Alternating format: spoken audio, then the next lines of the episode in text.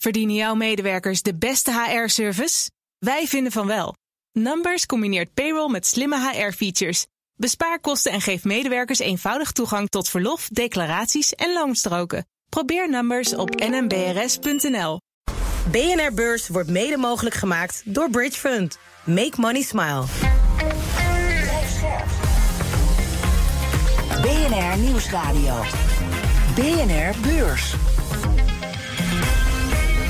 Wesley Weerts, Jelle Maasbach. Hallo daar, welkom bij je vrienden van BNR Beurs, de podcast voor de slimme belegger. Het is dinsdag 7 november, de dag dat WeWork een faillissementsaanvraag doet. WeWork has filed for Chapter 11 bankruptcy. It was estimated to be worth 47 billion dollars in 2019, but a lack of demand for office space caused it to lose 98% of its value. Ook de dag dat de AX met de hakken over de sloot hoger sloot. Net een tiende in de plus op 735,7 punten. Bezi, de grote winnaar, ging bijna 2% omhoog. En om deze beursdag met ons door te nemen is hier bij ons Bernard Jansen van ING Investment Office. En we gaan het zo hebben over groei. Want KPN gaat miljarden uitgeven aan snel internet om te groeien. Terwijl NXP juist niet meer groeit.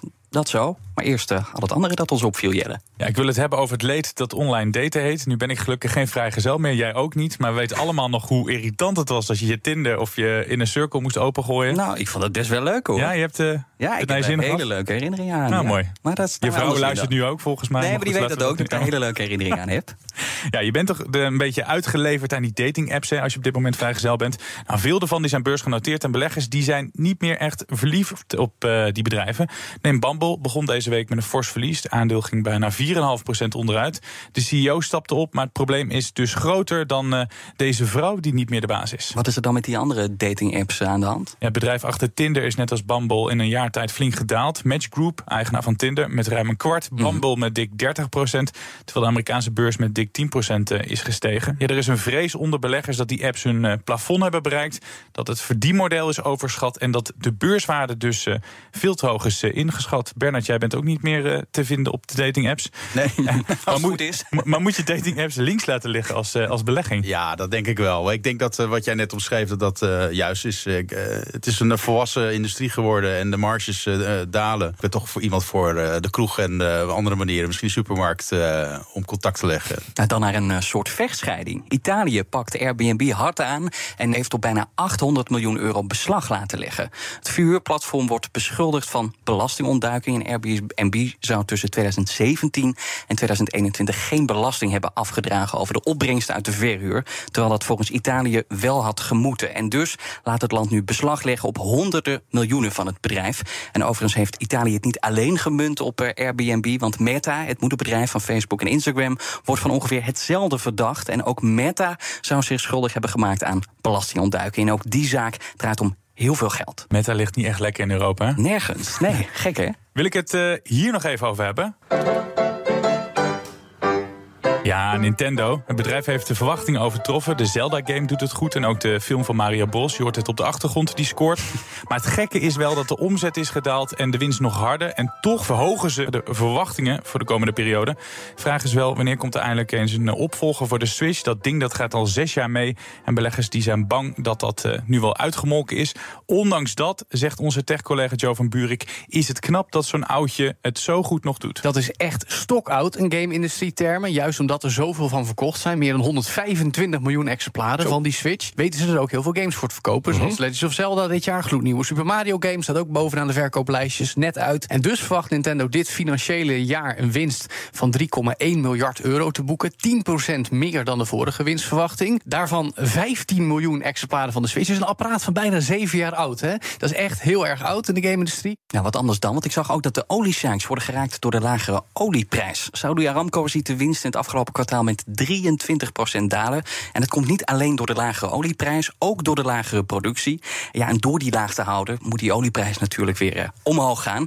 Ondanks die winstdaling, mm -hmm. dat is misschien nog wel het opmerkelijkste van het geheel, keert Aramco gewoon dik 29 miljard dollar uit aan de aandeelhouders. Oh, ik had er bijna medelijden met ze. Ja, nou, dat hoef je niet te hebben. En het bedrijf is natuurlijk voor 90, meer dan 90% in handen van de Saoedische staat. Dus die aandeelhouders, mm -hmm. ja, is vooral de Saoedische staat. En ja, daarmee wordt dus vooral ook dus die staatskapitaal aardgas gespikt. Saudi Aramco is dus in feite de geldkraan van de Saoedische koninklijke familie. En die gebruiken die miljarden dan weer vooral voor eigen gewin. Ja, voor iets heel treurigs, het organiseren van WK voetbal. Ik als voetballiefhebber vind dat nogal gênant dat we dan naar een land moeten waar ze zo omgaan met de mensenrechten.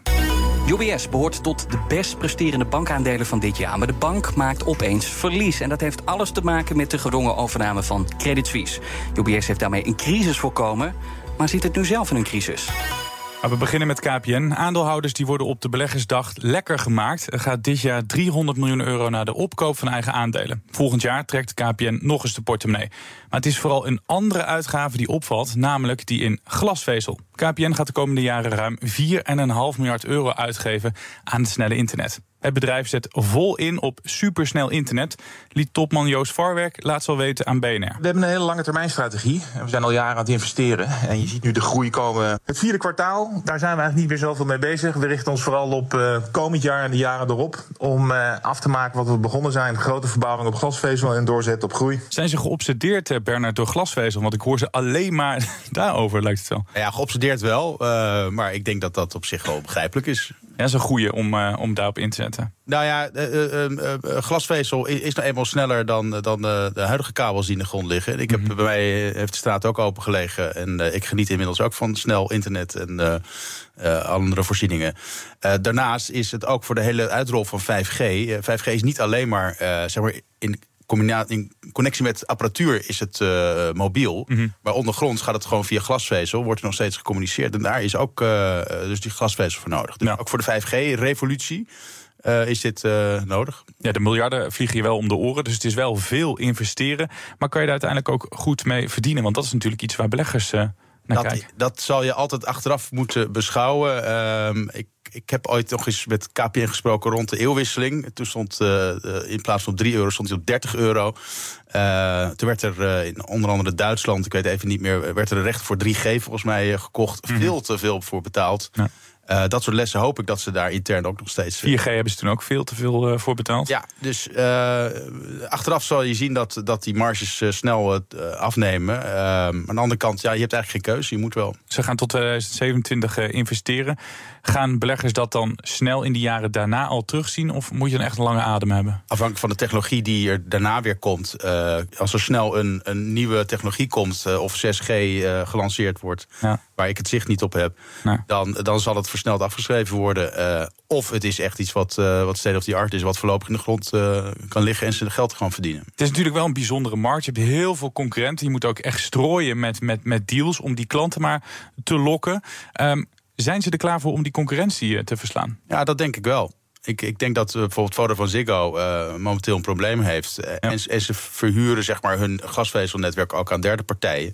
Dus zij zijn wel degene die hier de, de, de sheriff in town... die, uh, die bepaalt wie er op, de, op de linkerrijbaan mag rijden. En dat is, ja. dat is KPN in dit geval. Hoezo heeft Vodafone Ziggo dan een probleem? nou ja, die, die hebben nu niet die snelle glasvezel die, die KPN levert. En ik spreek uit eigen ervaring als ik zeg dat, dat het een verbetering is, deze mm -hmm. glasvezel. Dus, maar ja, jullie zijn het ook al, je moet klanten overtuigen om toch voor glasvezel te gaan. Nou, het is met allemaal deals, met allemaal aanbiedingen zijn. Uiteindelijk klanten daar niet veel gevoeliger voor, voor die prijs dan voor het kleine beetje extra internet. Want ja, geef nou, zeg nou zelf, ja, hoeveel extra haal je nou uit uh, 1000 mbit uh, vergeleken met 500 mbit uh, snelheid bij ja, Ziggo? Dat, dat is ook zo. Dat, dat... Ik denk dat veel consumenten het niet eens iets zegt. Nou, uiteindelijk zal je dat toch wel gaan merken. Uh, ik denk dat de komende jaren ook steeds meer bits en bytes over de, over de kabel gaan. Ehm, dus je zult dat echt wel gaan merken op een gegeven moment. En die andere beloftes van vandaag, het inkopen van de eigen aandelen, dit jaar 300 miljoen, volgend jaar 200 miljoen.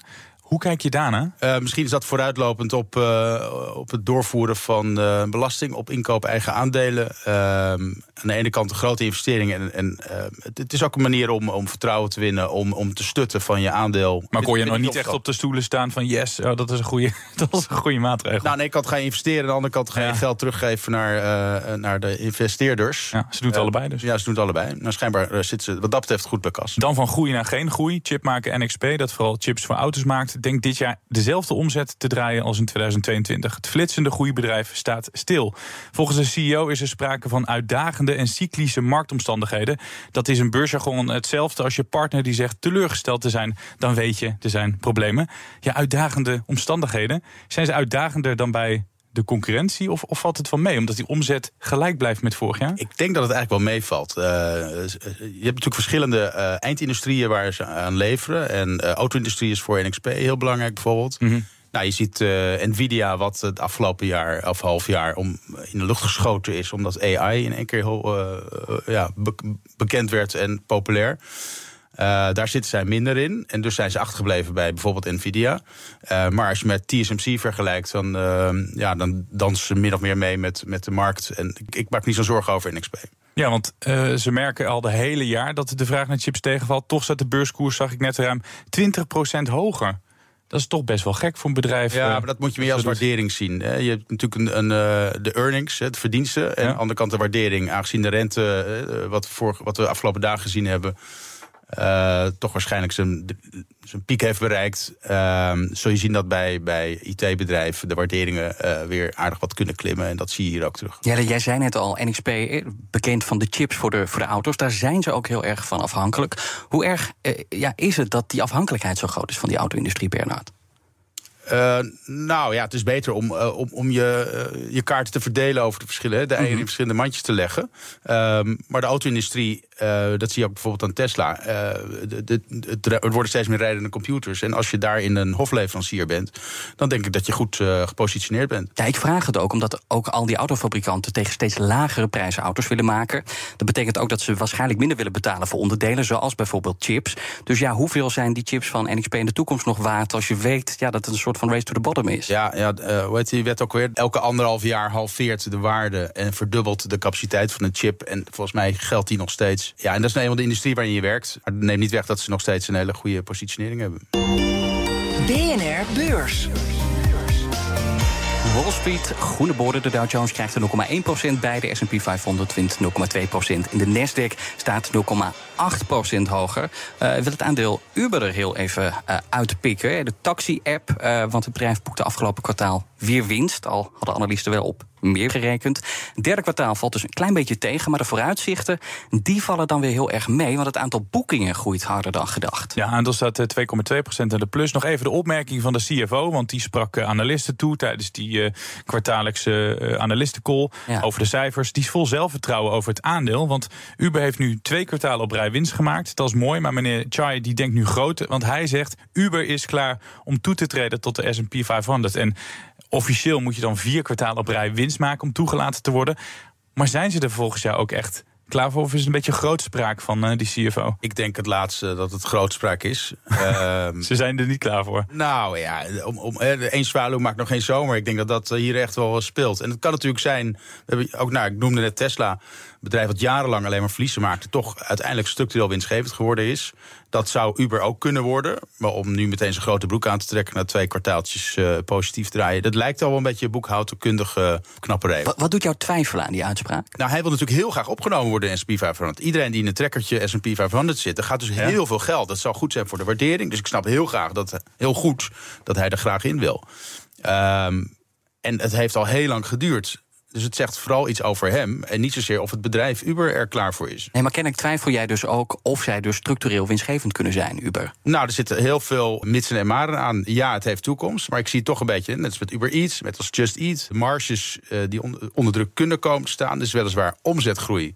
Maar er zijn ook nog heel veel problemen met, uh, met jurisdicties... waar zij uh, al dan niet een, een riders op de, op de loonlijst moeten hebben. Nou, als zolang dat soort kwesties nog open liggen... is, neem je een risico in Uber. BNR Beurs.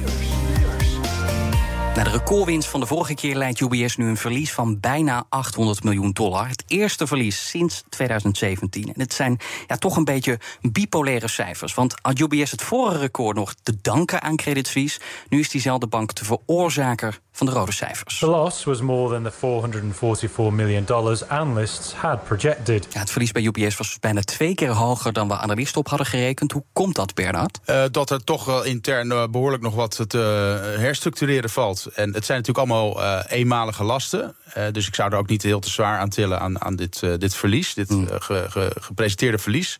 Um, maar ja, dat zul je zien. Ik, ik heb zelf ooit nog ervaring gehad met de merger van ABN en Fortis, ook twintig jaar geleden, of nou, nee, 15 jaar geleden. Ja.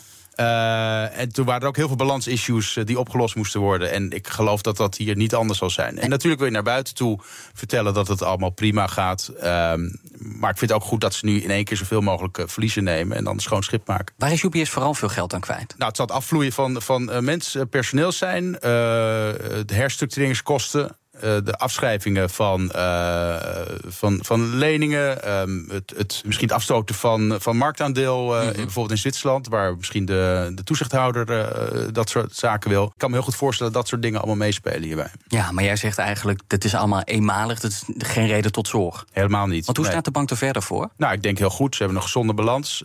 brede inkomstenpatronen, zowel in de rentestructuren als de fee-inkomsten uit, uit vermogensbeheer en wealth management. Samen met, met krediet En als dan deze hobbels uh, verwerkt zijn, dan echt een powerhouse, nog meer een powerhouse kan zijn dan, uh, dan het tot nu toe was.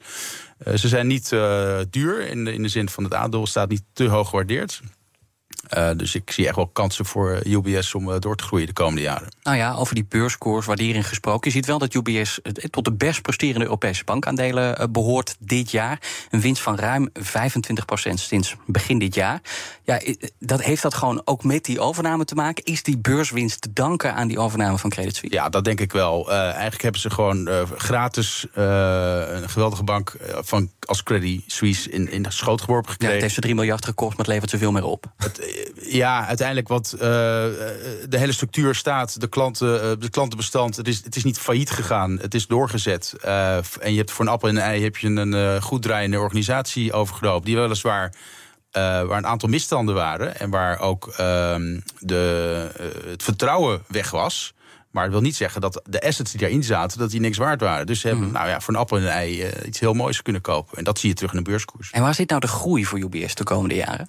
Ja, ik denk in de wealth management. Uh, Azië, Amerika zijn ze al heel groot, Europa en Azië kunnen ze nog, uh, dat is natuurlijk een bekend verhaal. Uh, daar zit de groei ook qua multimiljonairs, echt de hoge, hoge vermogens. En, en ja, daar kunnen zij echt het verschil in maken. Uh, dus daar verwacht ik groei. Maar ik vind het vooral goed wat zij doen, is uh, meerdere.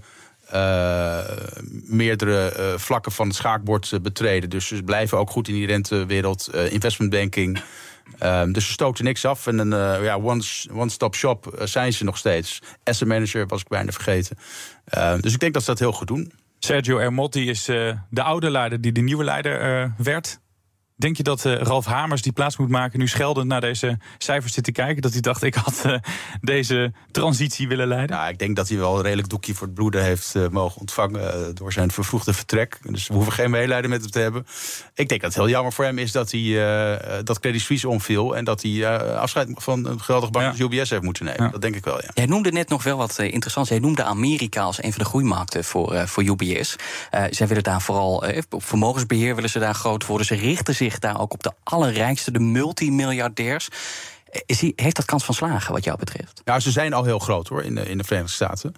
Um, nou ja, vergelijk je het met de binnenlandse banken, zeg maar de Amerikaanse banken, dan is het nog een relatief kleine speler. Nee, dan moet ik het anders uh, formuleren. De, uh, binnen UBS zijn zij aan de wealth management, zijn zij voor de helft ongeveer in de Verenigde Staten mm -hmm. aanwezig. Maar daar willen ze dus verder groeien? Daar moeten ze wel concurreren met ook die Amerikaanse banken. Ja, daarom ligt denk ik meer kans in Azië uiteindelijk. Uh, uh, maar ja, ze zijn qua wealth management de grootste wealth manager uh, ter wereld. Ze zitten in alle landen, op alle hoeken nou, van de staat, wil ik zeggen. Maar in ieder geval, ze zijn overal aanwezig. En in die zin beter gepositioneerd dan dan bijvoorbeeld Goldman Sachs van deze wereld. En zeg je dus dat het in Amerika misschien moeilijk wordt, maar in, in, in Azië makkelijker? En hoe gaan ze dat dan bereiken in Azië? Ja, makkelijk is het natuurlijk nooit. Uh, je zou bijvoorbeeld China uh, ja, moet je je bankvergunning uh, zien te behouden. Uh, maar ja, je zal um, goede advies met jurisdicties, vermogensadvies, asset management. Dus eigenlijk ja, een klant die je in totaal alles kan, kan bedienen. in elke wens. En daar zit een heel team van, van adviseurs omheen. Um, ja, en zij hebben de, het netwerk en de know-how om mm dat voor elkaar te kunnen krijgen. En als China niet lukt, wat zijn dan nog andere sterke Aziatische landen waar je nou, denk aan India bijvoorbeeld. Uh, sterke groei. Uh, ook steeds meer miljardairs. Uh, nou ja, qua inwoneraantal inmiddels China voorbijgestreven. Ja, zeker. Dus ja, India is weliswaar de eeuwige belofte. Maar hopelijk ook voor India zelf komt dat een keer uit. En, en zal die groei ja, blijven doorgaan. En daar is UBS zeker bij aanwezig. Nou, morgen ook weer een beursdag en dan is het uh, het woord aan de drie A's. Te beginnen met Ahold Delhaize, het moederbedrijf van Albertijn, Bol.com en Delhaize. En dat moet laten zien of het de winstmarges op peil heeft kunnen houden. En mogelijk laat het ook meer weten over de nieuwe aanwinst. Ahold is namelijk bezig met de overname van het Roemeense Profi... en daarmee lijven ze 1650 winkels in Roemenië in. Dat telde Ahold zo'n 1,3 miljard euro voor neer. En ja, die keuze die moeten ze verantwoorden naar beleggers natuurlijk. Tweede A is die van ABN AMRO. En beleggers en rekeninghouders die krijgen een kwartaalupdate. Vorig kwartaal steeg de winst nog met 87% ten opzichte van een jaar eerder. En dat was vooral te danken aan de gestegen rentes. Toch was het geen reden voor feest onder beleggers. Want die maakten zich meer zorgen over de winstontwikkeling voor het komende jaar. En misschien krijgen ze daar nu wat meer duidelijkheid over. En dat geld van de bankrekening dat mag ook rollen via Argent bijvoorbeeld, dat is de laatste A en misschien wel de spannendste. Ook zij doen de boeken open en zouden voor het eerst in hun bestaan een beleggersdag. Daar moeten ze bewijzen dat hun aandeel het geld echt nog wel waard is. Want na de koersval van afgelopen augustus, toen op één dag 17,5 miljard euro aan beurswaarde in rook opging, lijken nog maar weinig beleggers daarvan overtuigd te zijn. Vroeger op de basisschool had je van die mensen die een spreekbeurt hielden. En daar kwam maar geen eind aan. Nou, dat was een beetje net het praatje van jou. Korte. Mand, dit was de BNR-beurs van dinsdag 7 november. Waarin het draaide om groeien. KPN doet dat met glasvezel. NXP wil dat, maar dat lukt niet. En UBS kampt met groeipijntjes. Dank dat je er was, Bernard Jans van ING Investment Offers. En Wes, jij ook bedankt. Ja, ik ga mijn spreekbeurt voor morgen voorbereiden. Dan zijn we er weer. Tot morgen. Tot morgen. BNR Beurs wordt mede mogelijk gemaakt door Bridge Fund. Make money smile. Verdienen jouw medewerkers de beste HR-service? Wij vinden van wel. Numbers combineert payroll met slimme HR-features. Bespaar kosten en geef medewerkers eenvoudig toegang tot verlof, declaraties en loonstroken. Probeer Numbers op nmbrs.nl.